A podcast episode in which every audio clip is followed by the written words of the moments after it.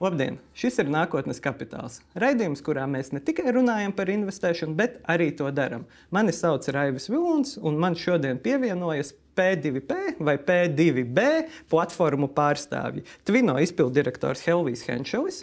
Labdien! Kapitālija pārdošanas vadītājs Mārcis Ļaksa. Sveiki! Un es teiktu, guru Latvijas vadītājs Aleksandrs Mežapuķa. Labdien!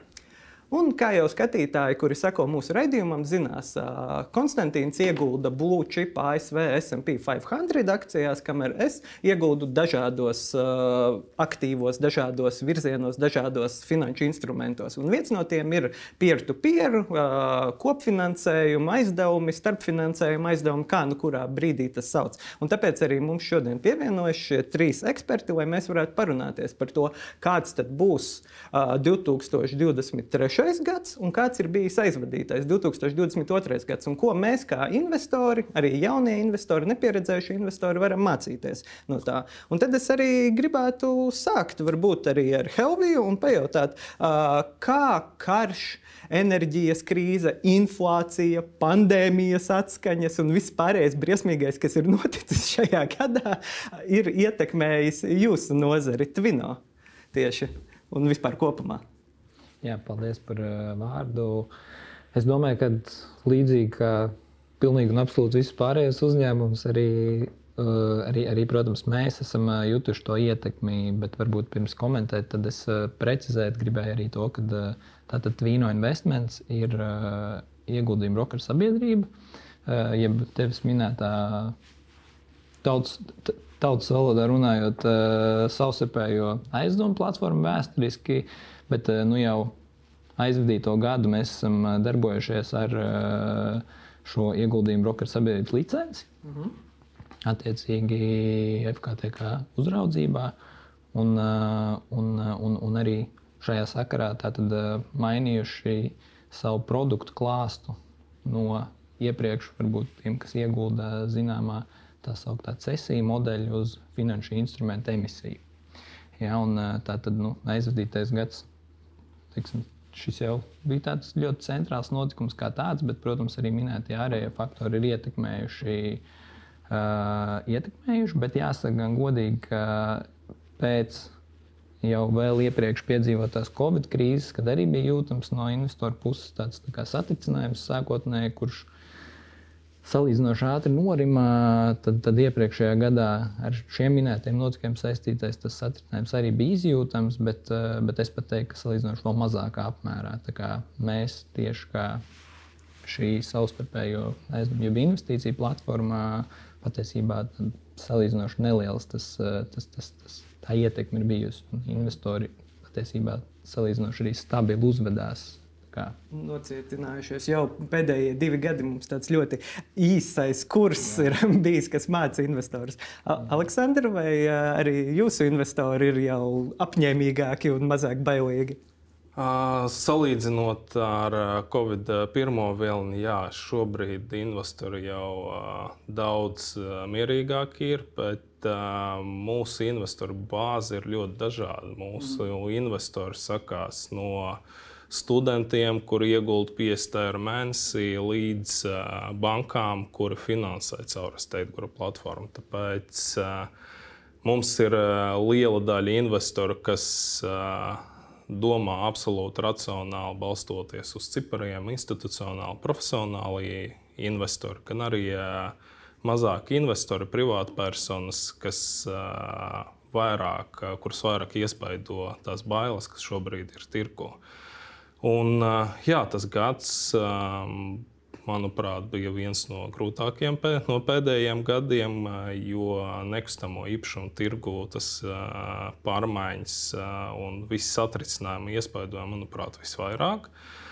Uh, jā, bet uh, kā jau vienmēr uh, mēs pielāgojamies, pielāgojas mūsu klienti, aizņēmēji, investori. Un, uh, Pagaidām uz nākamo gadu, uz 23. gadu, mēs skatāmies diezgan pozitīvi. Mm -hmm. Un es pieņemu, ka ejot tālāk nu, tā no uh, platformas, kur iespējams ir lielākais daudzums, ir varbūt mazo investoru līdz uh, vidējs daudzums, un tad pie jums, ņemot vērā, ka tas investīcijas solis ir 1000 eiro, uh, tad pie jums ir uh, vēl nu, lielāks daudzums nopietnu investoru. Tad es pieņemu, ka arī jūs līdzīgi kā Aleksandrs esat uh, manījuši tādu nu, nocietinātību un uh, apņēmību Jā, 2022. gadā droši vien tas, kas, kas bija ļoti izteikts, tas bija kaut kāds bailes un jaunu baiļu cikli. Ja pirms tam sākās Covid, un tad bija bailes no Covid, tad bija bailes no Deltas. Un, un arī pagājušajā gadā bija šis karš, bailes no kara, bailes no recesijas, bailes no inflācijas, bet katrs tās bailes kaut kādā brīdī beidzās un, un, un, un, nu, un norimās. Un būtībā gan investori, gan, gan uzņēmumi, kurus mēs finansējam, uh, atgriezās pie kaut kādas aktīvas darbošanās un no šīm bailēm tika galā. Kā, nu, tas būtu tas, būtu tas kā, kā mūsu nozare, kā jebkura cita nozare vispār ekonomikā tika ietekmēta, ka bija kaut kādas bailes, kuras tika pārvarētas. Bet, bet, jā. Mm -hmm. Un vai kaut kādas uh, tiešākas ietekmes, mēs šeit minējām par bailēm, bet, uh, teiksim, uh, piemēram, saistībā ar uh, karu Ukrajinā, uh, jūsu platformā iepriekš bija iespējas ieguldīt Krievijas uh, tirgos vai ne, un tad tās tika pārtrauktas. Uh, vai ir kaut kādas uh, ilgākas sekas vēl tam bijušas karam? Jā, precīzi. Mums, mūsu platformā iepriekš bija iespēja ieguldīt arī šajos aizdomos, kas izsniegti Krievijā. Līdz ar šiem notikumiem tāda iespēja vairs nav. Ja, tā tad, eh, tas uz attiecīgo brīdi nu, izveidojušais portfels pašlaik viņš vēl projām daļai eksistē. Notiek plūstošas atmaksas. Jā, tad notiek atmaksas, nav pārtrauktas. Jāsaka, gan, kad uh, ir ir, ir, ir no Krievijas puses šie sarežģījumi un apgrūtinājumi dažādie saistībā ar naudas līdzekļu izmaksu ārpus no Krievijas. Mhm. Un arī šajā sakarā, līdzīgi kā citās platformās, kas līdzīgākas tam mūsu produktam, arī mums ir ar šo teiksim, izmaiņas tajā atmaksas grafikā. Proti, no Krievijas puses ir ierobežojumi, cik daudz naudas līdzekļus katru mēnesi drīkst izskaitīt šie aizdevumus saņēmušie vietējie uzņēmumi.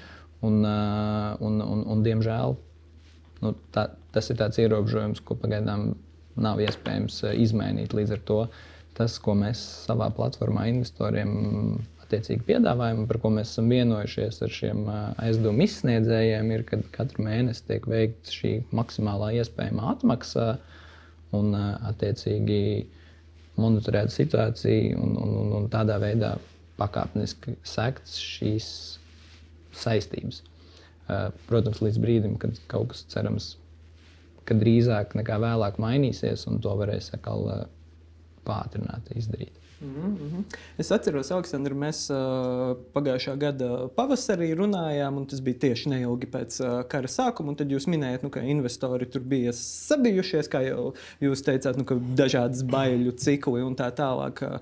Vai uh, karš vēl kaut kā ir atstājis to iespēju, vai nu, tas pārgāja? Mēs saņēmām nu, NATO dažādas garantijas, gan uz Latviju, gan uz Baltiju tika atvest dažādas militārās tehnikas, un kopumā rietumi bija bija diezgan vienoti pret Krievijas agresiju nostājā. Tad, vai jūs redzējāt kaut kādas ilgtermiņa sekas, vai tas bija tāds īsts uzplaiksnījums, kas samazinājās investoru pārliecību?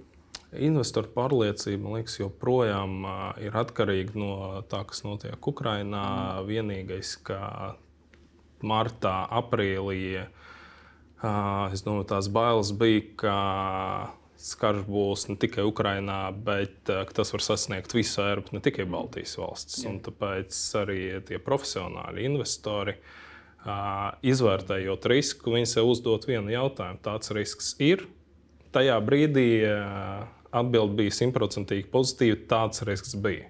Nu, šodien un pagājušajā gadā jau, man liekas, vasarā tā situācija sāka strauji mainīties. Un, mēs redzējām, ka arī uh, profesionāli investori, izvērtējot šos riskus, atsāk ieguldīt arī Baltijas valstīs. Bet runājot par mūsu platformu, mums tā saikne ar aizņēmējiem ir daudz ciešāka.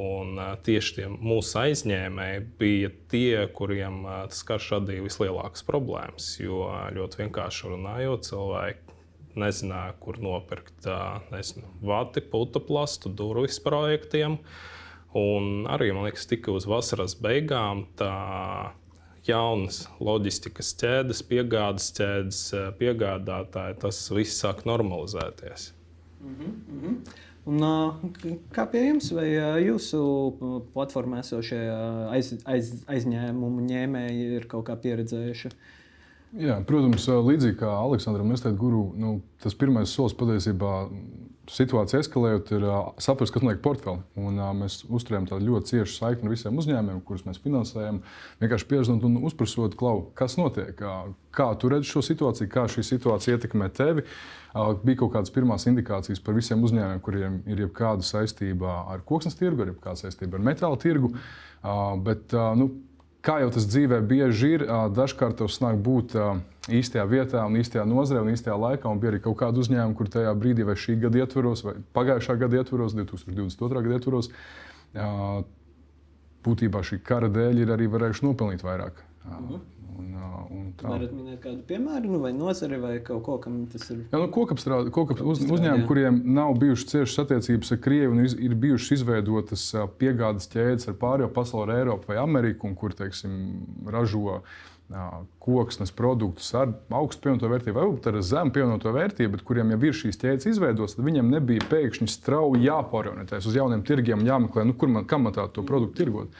Savukārt otrā pusē tas pieprasījums bija palielināts. Un tādā veidā jā, tad, tur, tur notika šī te, jā, izspēlējās tā būšana īstajā vietā. Mm -hmm. Jūs ļoti labi pārgājāt jau uz tēmu, uz pozitīvajiem aspektiem. Mēs sākām ar negatīviem, galvā mēs esam Latvijā. mēs sākām ar negatīvajām lietām, bet pozitīvie aspekti. Uh, Aleksandra, Helvija, uh, vai jūsu platformā jūs redzat arī kaut kādus, nu, kas šogad ir bijis pozitīvs, nu, neobligāti.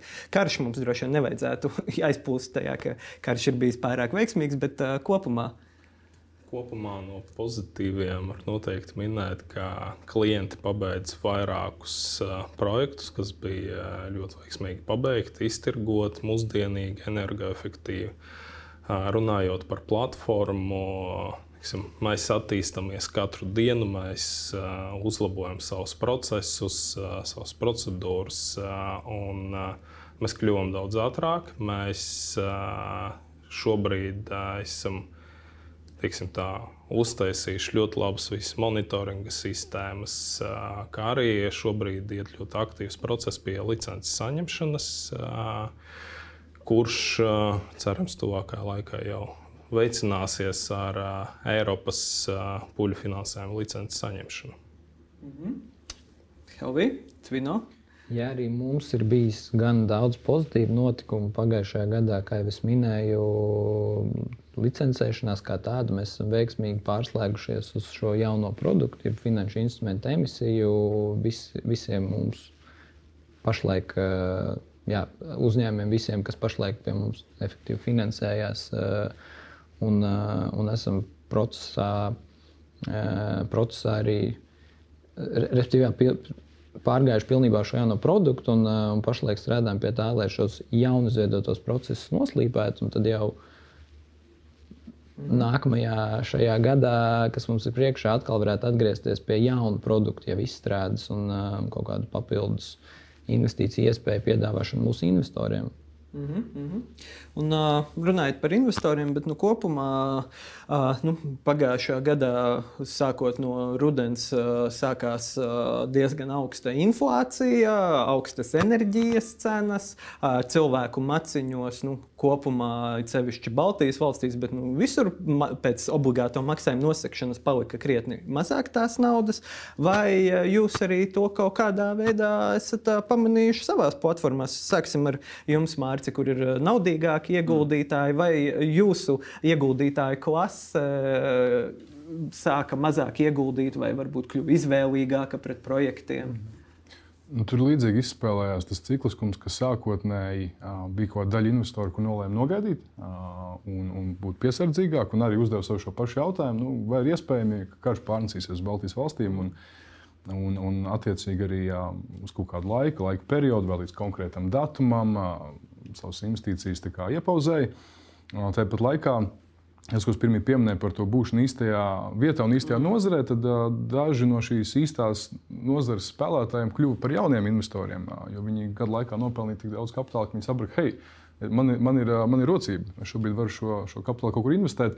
Un līdzīgi arī gada beigās, kad sākās nākamais baiļu cikls un bailes no recesijas un, un inflācijas, tas sloks, tad kaut kāda daļa no investoriem kļuva aktīvāki investori.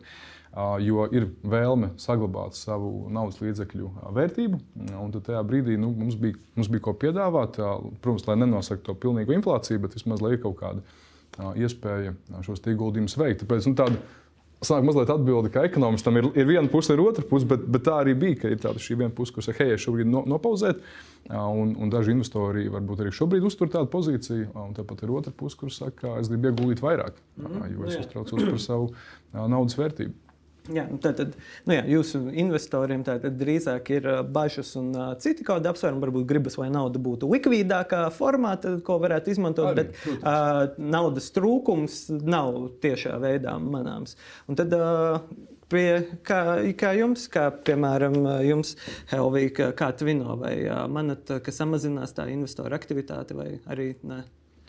Es uh, lielā mērā var tikai eh, pievienoties jau, jau teiktiem, ka tādu tendenci, kad būtiski kaut kas samazinātos, noteikti mēs nevaram novērot. Un, eh, un eh, no investoru puses vienmēr ir bijis spēcīgs pieprasījums pēc kvalitatīviem produktiem, kur ieguldīt, un, un tā ir arī mums.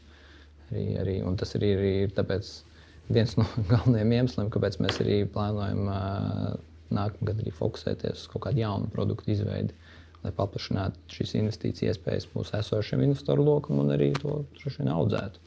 Mm -hmm. Aleksandra?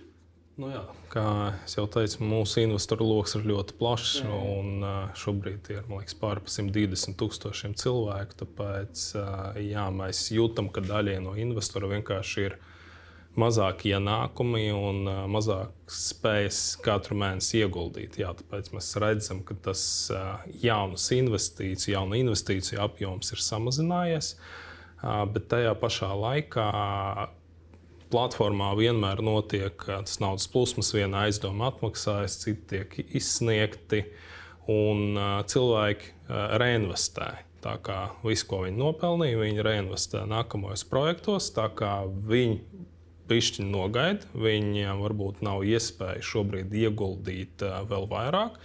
Bet, kas ir svarīgi, viņi neizņem tos ieguldījumus, lai maksātu kaut kādas par ikdienas tēriņiem. Ja? Un, bet no tās puses arī mēs redzam, kas notiek pasaulē. Arī uh, Pamainījām savu finansēšanas politiku un esam kļuvuši bišķiņ konservatīvāki. Tāpēc arī tas projektu apjoms, ko mēs šodien esam gatavi piedāvāt, platforma ir mazāks.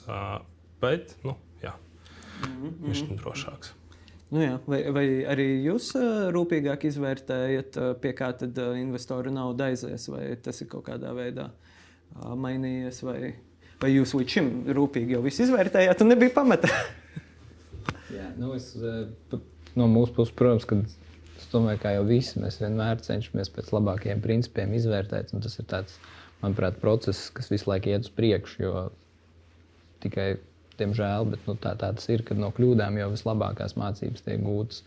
Un, uh, un tie, visi cenšas no citu kļūdām mācīties, bet, bet, bet, bet sanāk arī no savējām.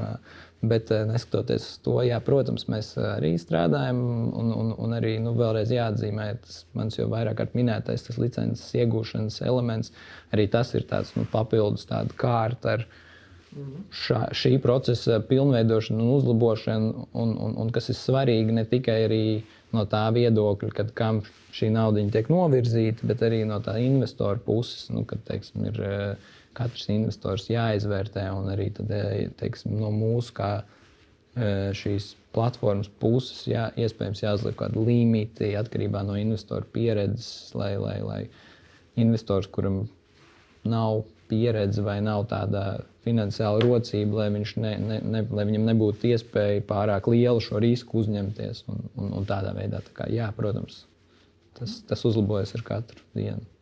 Un kā ar jūsu turīgajiem investoriem? Jā, nē, nu, mēs katrā laikā, tad, kad sākās Covid, mēs izvērtējām katru uzņēmumu, kur mēs finansējam, kā Covid ietekmēs uzņēmuma maksātspēju. Līdzīgi, kad sākās karš, tagad mēs ņemam vērā un mūsu vērtēšanas sistēma iekļauj enerģētikas cenu pieaugumu. Kā, nu, Šaubos, ka šeit kāds zvēs teikt, eh, mēs kļuvām vieglprātīgāki. Jā, tur, Visiem nauda. kam vajag, tā, kam, jā, jā, kam vajag tas ņem? Mēs, mēs tieši, tieši nu, proporcionāli tam, jo Mm, jā. Mēs vienmēr esam bijuši konservatīvi un kapitāli ir zināms tirgu ar to, ka mēs esam diezgan konservatīvs finansētājs. Mūsu investori to zina un daudz, daudzās ziņās ar to arī rēķinās ikdienā, kad viņi šos ieguldījumus veic. Un, nu, mēs, mēs turpinājām, mūsu analītiķu komanda turpināja izvērtēt atbilstoši situācijai šos te, uh, šos uzņēmumus. Mm -hmm. Saprotams, tad neviens nepiekopa Turcijas modeli, kur procentu likmes samazinātu, tas, lai cīnītos ar inflāciju. Neviens ne, neseko Erdogana jaunajai ekonomikai. Diemžēl, bet nu, labi, tad uh, ir skaidrs par uh, apmēram 2022. gadu. Sanāk, tas ir tāds, mēs varam uh, no jūsu atbildēm man šeit arī izvilkt tādu kā nelielu barometru patiesībā. Arī nu, tas, ko saka arī ekonomisti un uh, banka ekonomisti un citi vērotāji, ir tas, ka cilvēki jā, inflācija auga un tā tālāk, bet kopumā cilvēki šo krīzi, vismaz šo krīzes sākumu, pārdzīvo labāk. Nauda vēl ir, nauda tiek vēl tie, kuri nu, domā par investīcijām, jo mēs zinām, nu, ka mums kopumā sabiedrībā ir salīdzinoši mazs procents, kas domā par investīcijām, bet tie cilvēki vēl aizvien turpina. Jā, Varu tikai uh, papildināt, uh, ja paņemsim vienkārši divas lielākas bankas Latvijā, nu tad pa deviņiem mēnešiem pagājušā gadā noguldījuma pieaugums bija viens miljards. Mm -hmm. Latvijas noguldījumu. Nu, man liekas, tas par kaut ko saka. Jā, jā, jā. Tad, tad, labi, varbūt iespējams, ka visa tā trauksmes zvanu sišana jau sākot no vasaras un tā tālāk, kādā veidā cilvēks mobilizēja. Tomēr, nu, varbūt kaut kādi mazāk vieglprātīgi pirkumi, bet vairāk investīcijas, piemēram, vai kaut kas tāds. Bet, nu, tad uh, iesim tālāk, runāsim par šo jauno gadu, 2023. Uh, Kādas ir jūsu prognozes? Sāksim varbūt kopumā, kas notiks pasaulē un ekonomikā. Mums gan pagājušā gada noslēdzot raidījumā bija viesi, kuri teica, gribi sasmīdināt Dievu, pastāst par savām finanšu prognozēm. Tad, vai jūs pievienojaties šim, vai jūs tomēr redzat, nu, kaut kādu piemēram, kaut vai šīs pašas lielās inflācijas atslābumu, vai jūs uh, cerat vismaz uz to? Nu, jā, es varu pateikt uh, par nekustamo īpašumu nozari. Tikko bija vairākas konferences, uh, un visiem ir cerības, ka pavasarī vai vasarā viss kļūs labi, par uh, siltumu nebūs uh, jāmaksā, un mēs atkal iesim pirkt jaunus dzīvokļus. Uh, kopumā nu, tas ir ļoti labs cerības, bet uh, es domāju, mēs tagad visi ļoti labi saprotam, ka noteikti būs korekcijas. Uh, tirgus pielāgojas uh, situācijai, izmaksām. Tāpēc uh, kopumā nevar viennozīmīgi teikt, ka visiem būs uh, labāk vasarā vai pavasarī. Bet, uh, uh, Konkrēti nekustamos īpašumos, ja mēs skatāmies jauni, energoefektīvi mājokļi, tik un tā būs pieprasīti jo mums ir milzīga daļa Latvijas iedzīvotāju, kas dzīvo vecās, absolūti neefektīvās mājās. Un, pat ņemot vērā pieaugušu procentu maksājumus, pat tagad mēs redzam no mūsu klientiem, pirmie ziemas mēneši, nu, cik stipri atšķirās komunālie maksājumi. Un trīs istabu dzīvokļiem tie varētu būt uh, pat 200 eiro. Nu, vienkārši noņemot no komunālajiem maksājumiem, pārliekot tos maksājumus par aizdevumu, par mājokļu kredītu, būs tie cilvēki, kas varēs atļauties sev jaunas mājas. Bet jā, tā pašā laikā vai nu visiem tiem veciem, ne, neefektīviem mājokļiem būs jārenovējas. Cerams, ka cilvēki ar valsts atbalstu to sāks darīt daudz, daudz aktīvāk. Un, bet, ja tas nenotiks, nu, tad tajā tirgus daļā viss nebūs tik rožaini. Mm -hmm, mm -hmm. Helvī, vai jūs arī jūsu no, konferencēs runājat par to, ka viss būs rožaini un ļoti labi un investoru un projektu skaits augs un tā tālāk? Jā, nu ir tas droši vien mūža senais teiciens, ka cerēt uz to labāko, bet gatavoties tam sliktākajam. Un, un, un tas, tas bijis princips, ko mēs vienmēr cenšamies pie, pie, pie, pie kā mēs vienmēr cenšamies pieturēties.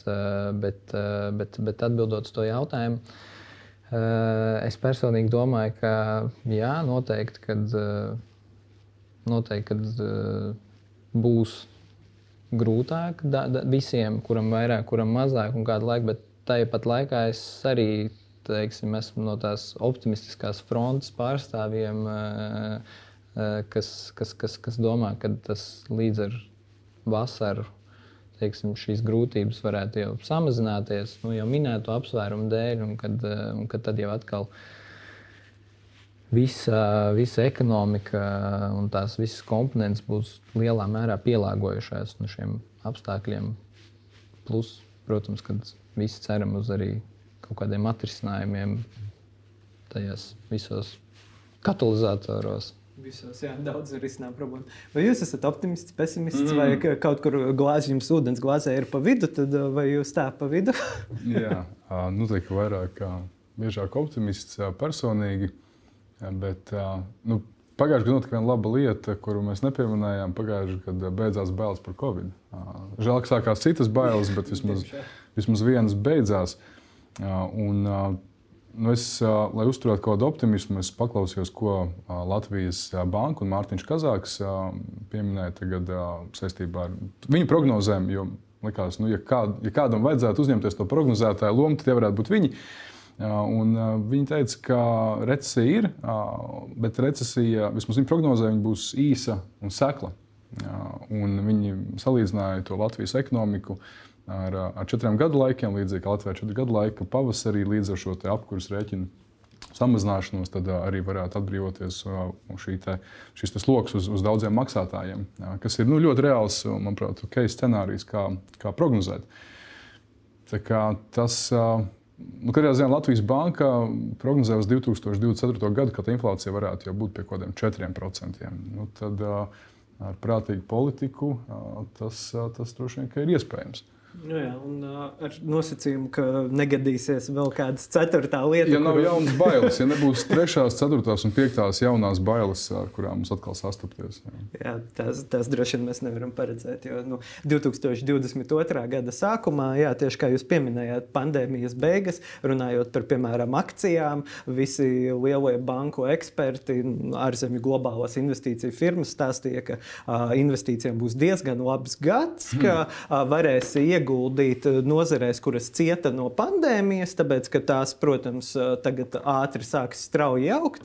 Bet nu, tad uh, gadījās, diemžēl, Krievija iebruka Ukrajinā, enerģētikas problēmas, virkne citu problēmu, tāpat arī vēl pandēmijas izskaņas. Te pašā Ķīnā tikai tagad zero covid politika sāka beigties vēl gadu pēc tam.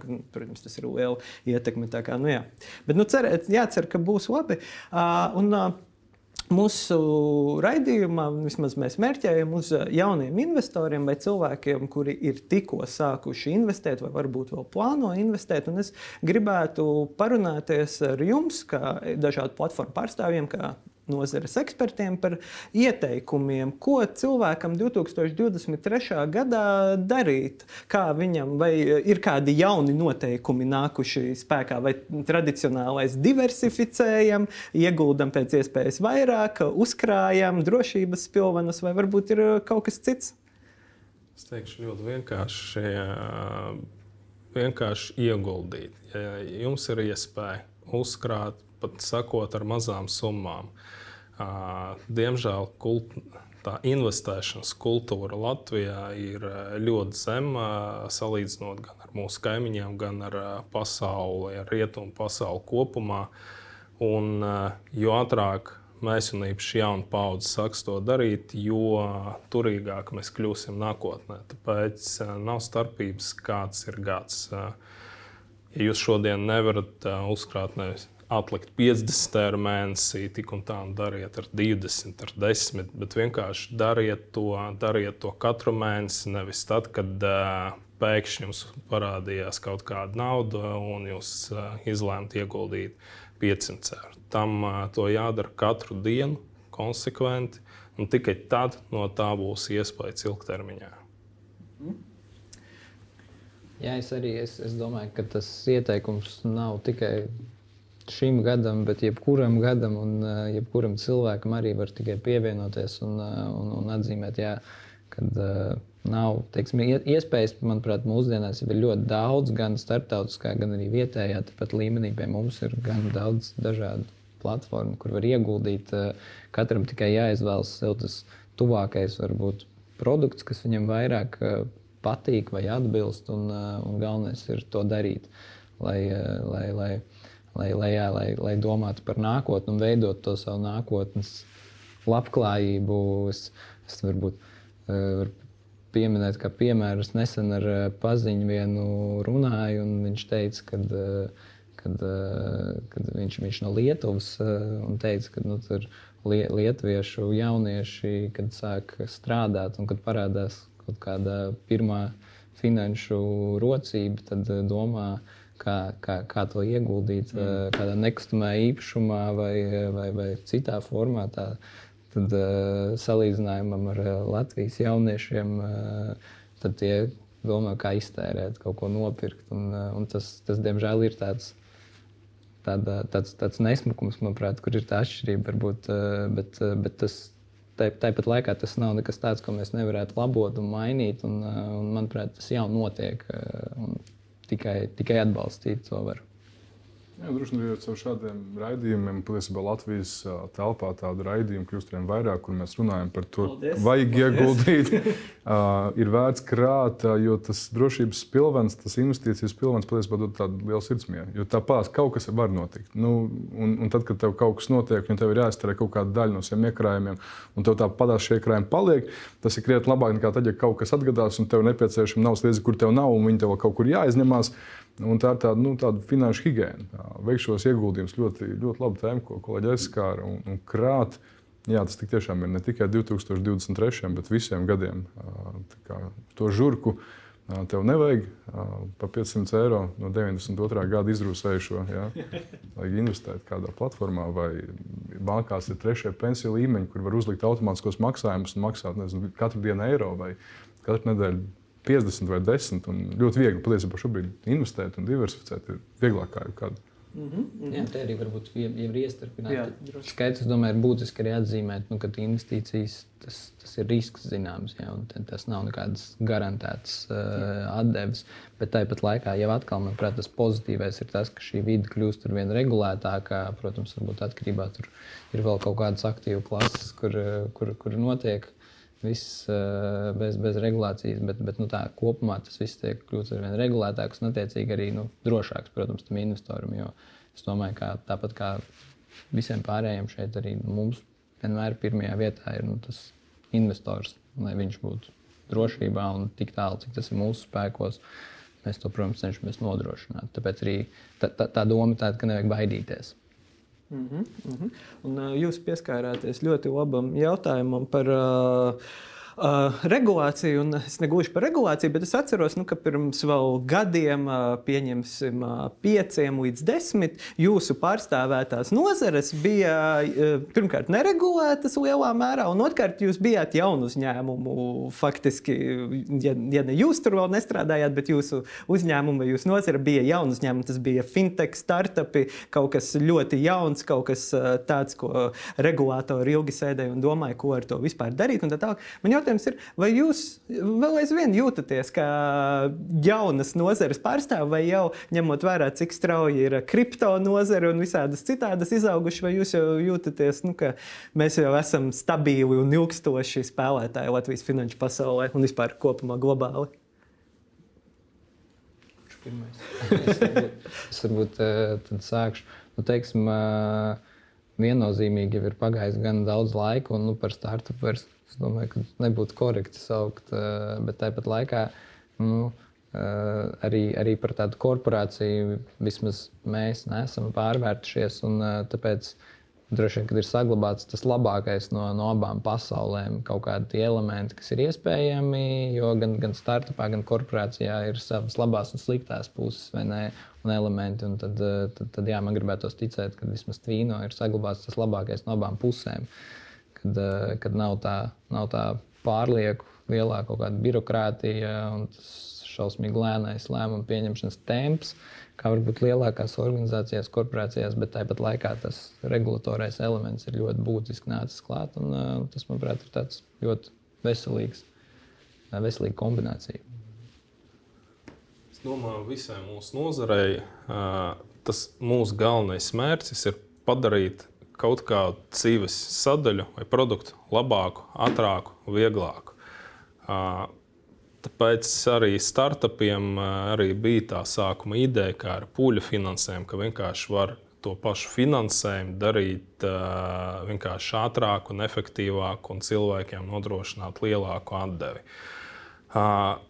Ļoti labi, kā pēdējos gados ir tika apstiprināts un pieņemta Eiropas regula vismaz par pūļu finansējumu platformām. Un, nu, vismaz mūsu ieskatā tas ir ļoti pozitīvi, jo mēs visi redzējām, kas notika ar dažām platformām, kad nebija nekādas regulācijas, kad tur nebija nekāda procesa ievēroti un tika izmantota investoru nauda nemērstiecīgi. Tāpēc es domāju, tā regulācija ir vēl viens veids, kā atsijāt negodprātīgus tirgus spēlētājus. Mm -hmm. Jā, pilnīgi pievienojas kolēģiem. Priekš mūsu nozares ir ļoti svarīgi, lai ir šī regulācija un lai nozares uzņēmumi vai nu ir atbilstoši regulācijai, vai, vai, arī nespēlē. Jo katra tā individuālā negodprātīgā rīcība met ēnu uz visu nozari kopumā. Un tāpēc tas ir bijis. Nu, kapitāla ir dibināta 2007. gadā patiesībā.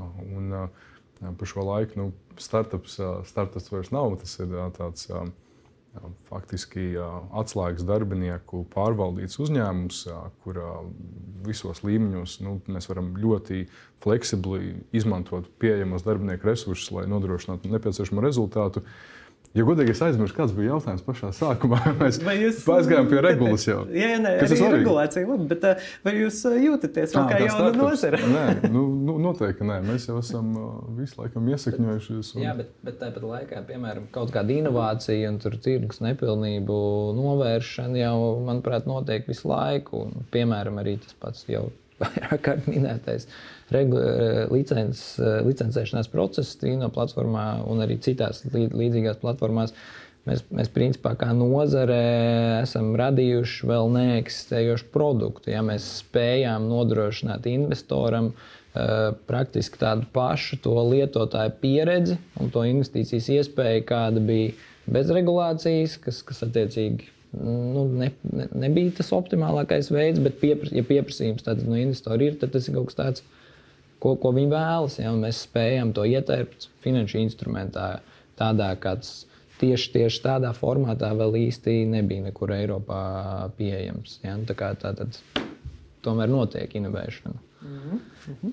Tā ir priekšrocība arī mūsu izmēram, ka mēs varam diezgan ātri nolasīt, kas ir nepieciešams tirgum, kas investoram ir interesanti, un tad nāk klajā ar uh, tādu rezultātu vai piedāvājumu, kas viņam ir interesants un varbūt citur nav sasniedzams. Yeah. Un, runājot par investoriem, vai vidējās likmes, vidējā atdeve jūsu platformās varētu mainīties, augt vai kristies, vai apmēram paliks tas, kas, ko mēs tagad arī redzam? Pusmīnus, iesim paplīt, Aleksandra. Mums tā vidējā likme jau pieaug no iepriekšējā gada sākumā. Tas, nu, vidēji kopumā skatoties pa platformu, tas pieaug apmēram pa 1%.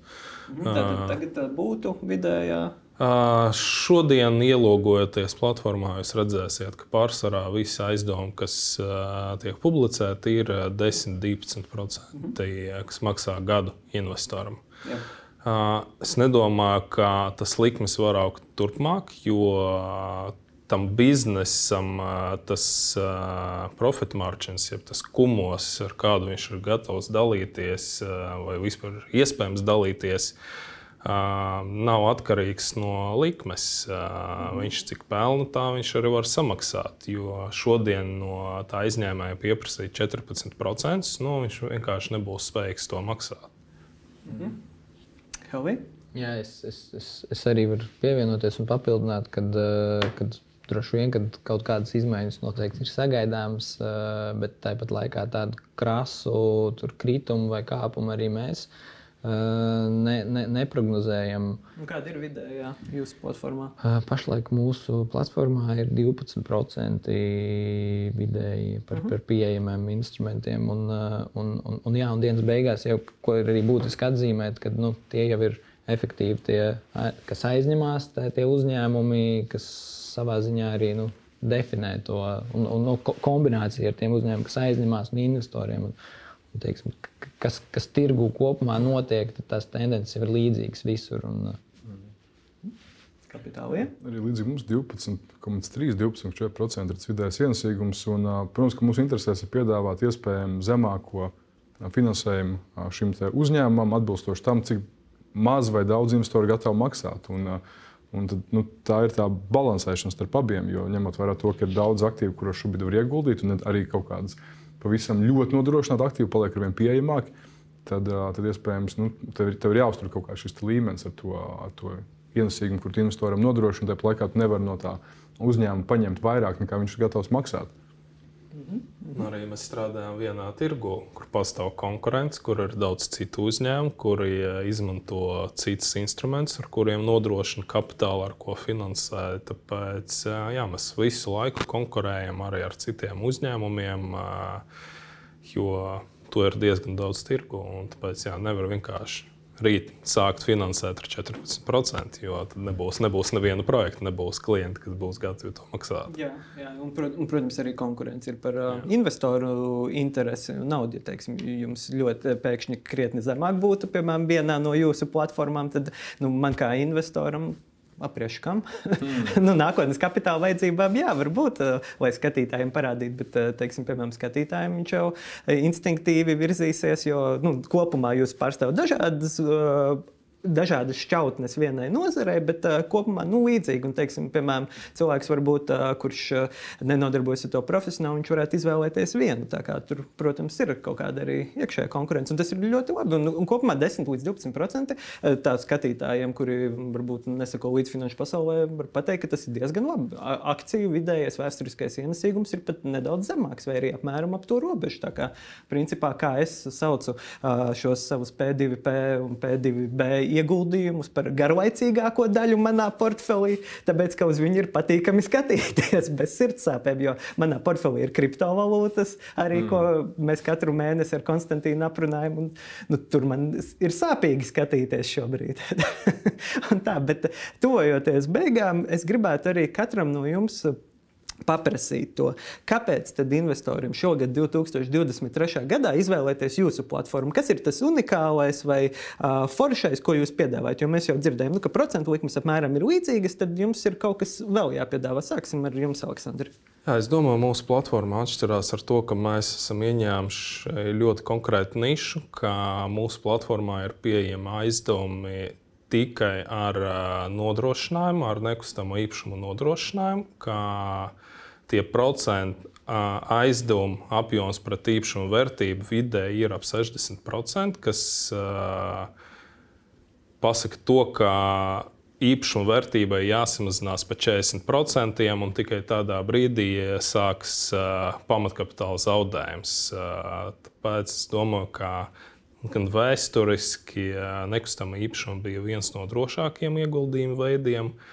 Tas risinājums, kāds ir piedāvāts mūsu platformā, dod papildus drošību ar to LTV radītāju vidēji 60%. Un tie klienti, ko mēs finansējam, ja mēs paskatāmies mūsu portfelī, ir ļoti maz aizņēmumu, kas nodrošināti ar kaut kādiem veciem, neefektīviem mājokļiem vai projektiem. Jo pārsvarā tiek finansēta jaunāku attīstība, kuri šobrīd ar likumu noteiktas prasības, ļoti augstas prasības, ar ļoti augstu efektivitāti. Un, kā jau es teicu, manuprāt, nu, šim produktam jā, varbūt šogad būs mazāks pieprasījums nekā pēdējos divos gados, bet tik un tā tas pieprasījums būs. Un, ja tas ir labs projekts, ka jau vienmēr labā vietā, labi uzbūvēts, es īpaši neredzu problēmu, kā to nevarēs pārdot. Helvi, kāpēc mūsu skatītājiem iet pie jums? Droši vien tas ir vairāku lietu kopums. Pirmkārt, tas ir ļoti vienkārši un labs veids, ar ko sākt. Jo, ja, ja kāds varbūt nejūtas komfortabli uzreiz lekt iekšā akciju tirgu vai, vai, vai, vai, vai tam līdzīgi. Tad tas ir vai, tāds... piemēram, ar 1000 eiro. Jā, gan, gan arī tas, eh, gan tas virziens, gan arī tas, eh, tas, tas slieksnis. Ja, jo tur, tur tas ļoti viegli, ļoti ērti, ļoti pārskatāmi. Eh, minimālā investīcija ir viens eiro. Ja, tāpēc es domāju, ka viena eiro kaut vai sporta pēc nu, ir diezgan liels cilvēku klāsts atļauties uh, ieguldīt. Un, un, jā, otrs ir, ka tas ir principā ļoti. Nu, cik, cik, cik nu tas ir regulatori iespējams visaugstākajā tajā drošības līmenī, kā jau regulēta iestāde, tad mēs ievērojam absolūti visas nepieciešamās tās prasības. Un, un, un, un ne, ne tikai, bet arī cenšamies viņas tiešām pēc būtības nu, izpildīt un ievērot, un, un, un dažreiz pat vēl vairāk. Un, un droši vien beidzamais faktors, kad uh, jāatzīmē, nu, ka eh, atšķirībā no citām platformām, tad Tvīno ieguldījuma platforma ir bijusi tāda tā kā savā ziņā slēgta ekosistēmā. Mēs varbūt salīdzinājumā ar arī, kur es zinu, ka tu ieguldīji Mintas platformu, neesam tik lielā eh, apjoma. Eh, bet, bet tāpat laikā tie uzņēmumi, kuri tiek finansēti ar mūsu platformu, arī attiecīgi ir nu, pietuvinātāki, un mēs viņiem varam kā, rūpīgāk izsakot līdzi. Tāpēc varbūt arī tādā ziņā tādā, tā saimniecība kopumā ir tāda pār, pāraudzāmākā, kas, kas, kas, kas arī vēsturiski ir, skatoties vēsturiski, ļaus mums principā visus ieguldījumus, kas ir veikti, arī atmaksāt investoriem. Mm -hmm. Un, kā mēs noskaidrojam, uzkrājumi palielinās cilvēkiem, nauda palielinās. Tā kā nebūtu tā, ka nav cilvēki, kuriem nebūtu nauda šim pirmajam solim. Tad mm. kāpēc uh, iet uz kapitālu un izraudzīties ieguldījumus par 1000 eiro? Kā jau tika pieminēts, jā, tas kapitālīs uh, augstais slieksnis. Tas tā, tā ir taisnība. Nu, kapitālis investors ir tipiski turīgs, pieredzējis, analītisks, spēj izvērtēt un pieņemt lēmumu. Un patiesībā mēs pat ieteiktu, varbūt uh, sākt veidot tādu portfeļu kapitālu, ja ir 10 līdz 20 tūkstoši pieejami, lai tik tiešām varētu veikt arī šo diversifikāciju. Un uh, diversificējot un ieguldot kapitālu, ja ir iespēja ieguldīt tādā ļoti atšķirīgā, dažādā portfelī, kas ir saistīts ar pilnīgi visu tautsēmniecību. Mums ir uzņēmums, kas nodarbojās ar kokapstrādi, ar būvniecību, ar tirzniecību, ar metāla apstrādi. Nu, tur, tur, tur ir iespēja būtībā dabūt. Uh, ekspozīciju uz, uz gandrīz katru nozari, kas nu šajā ekonomikā darbojas. Un kapitālija, kapitālijas investors kļūst par dalībnieku tādai kā kapitālijas ekosistēmai. No nu, šīs ekosistēmas ietvaros tad, investoram parādās iespēja piekļūt varbūt citiem interesantiem aktīviem, kuri citkārt varbūt ir nepieejami vai grūtāk aizsniedzami. Mums ir FKTK reģistrēti līdzieguldījumi fondi, gan riska kapitāls, gan obligācijas. Un tad caur šo mūsu platformu un ekosistēmu investors var arī kļūt.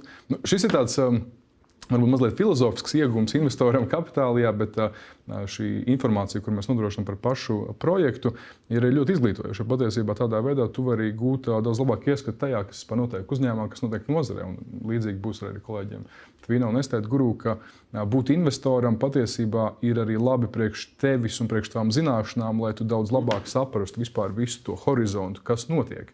Tā kā, nu, tas, ir, tas ir tas, ar ko ikdienā, par ko ikdienā priecājas šis turīgais kapitālīs investors. Mm -hmm. Jā, un uh, kopumā, kā, kā jūs pieminējāt, tas būt par investoru ir uh, tī, tīri labi, kā, kā jūs minējāt, sporta pēc, bet ar to sportu līdzi nāk arī kaut kāda zināma interesēšanās par ekonomiku, par ekonomikas cikliem, notikumiem. Es zinu daudz piemērus, ka cilvēki pandēmijas laikā ir sākuši ar kriptovalūtām, un uh, tad viņiem sāk uh, rasties jautājumi, nu, kāpēc tad krīt, ko, ka, kas notiek, un dažkārt kriptovalūtas iepriekš krita tāpat vien, bet tagad jau lielā mērā mērā viņas ir piesaistītas tiem pašiem lielajiem finanšu tirgiem, un tad cilvēki ir sākuši interesēties par lielajām finansēm un tā tālāk, un tad jau ir atkal nonākuši atpakaļ uz dažādiem drošākiem aizdevumiem, kā peer-to-peer.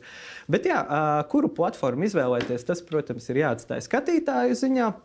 Skatītāji var sekot līdzi, kā iet manam un Konstantīna portfelim, jo manā portfelī ir visu klātesošo kungu pārstāvētie uzņēmumi, un arī Mintos, kā jūs pieminējāt. Tad skatītāji var paskatīties, salīdzināt.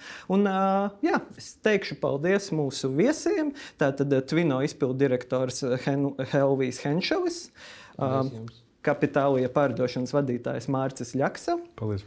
Un es teiktu, guru Latvijas vadītājs Aleksandrs Mežapuķis. Paldies. Un, uh, savukārt, skatītājiem atgādināšu, ka jūs varat lasīt, kā jau minēju, kā iet mūsu portfeļiem, un vēl daudz citu par finanšu tirgiem un finanšu pasauli uh, mājaslapā nākotnes kapitāls LV vai Delfi biznesa. Paldies! Uz redzēšanos, un lai veicas 2023. gadā!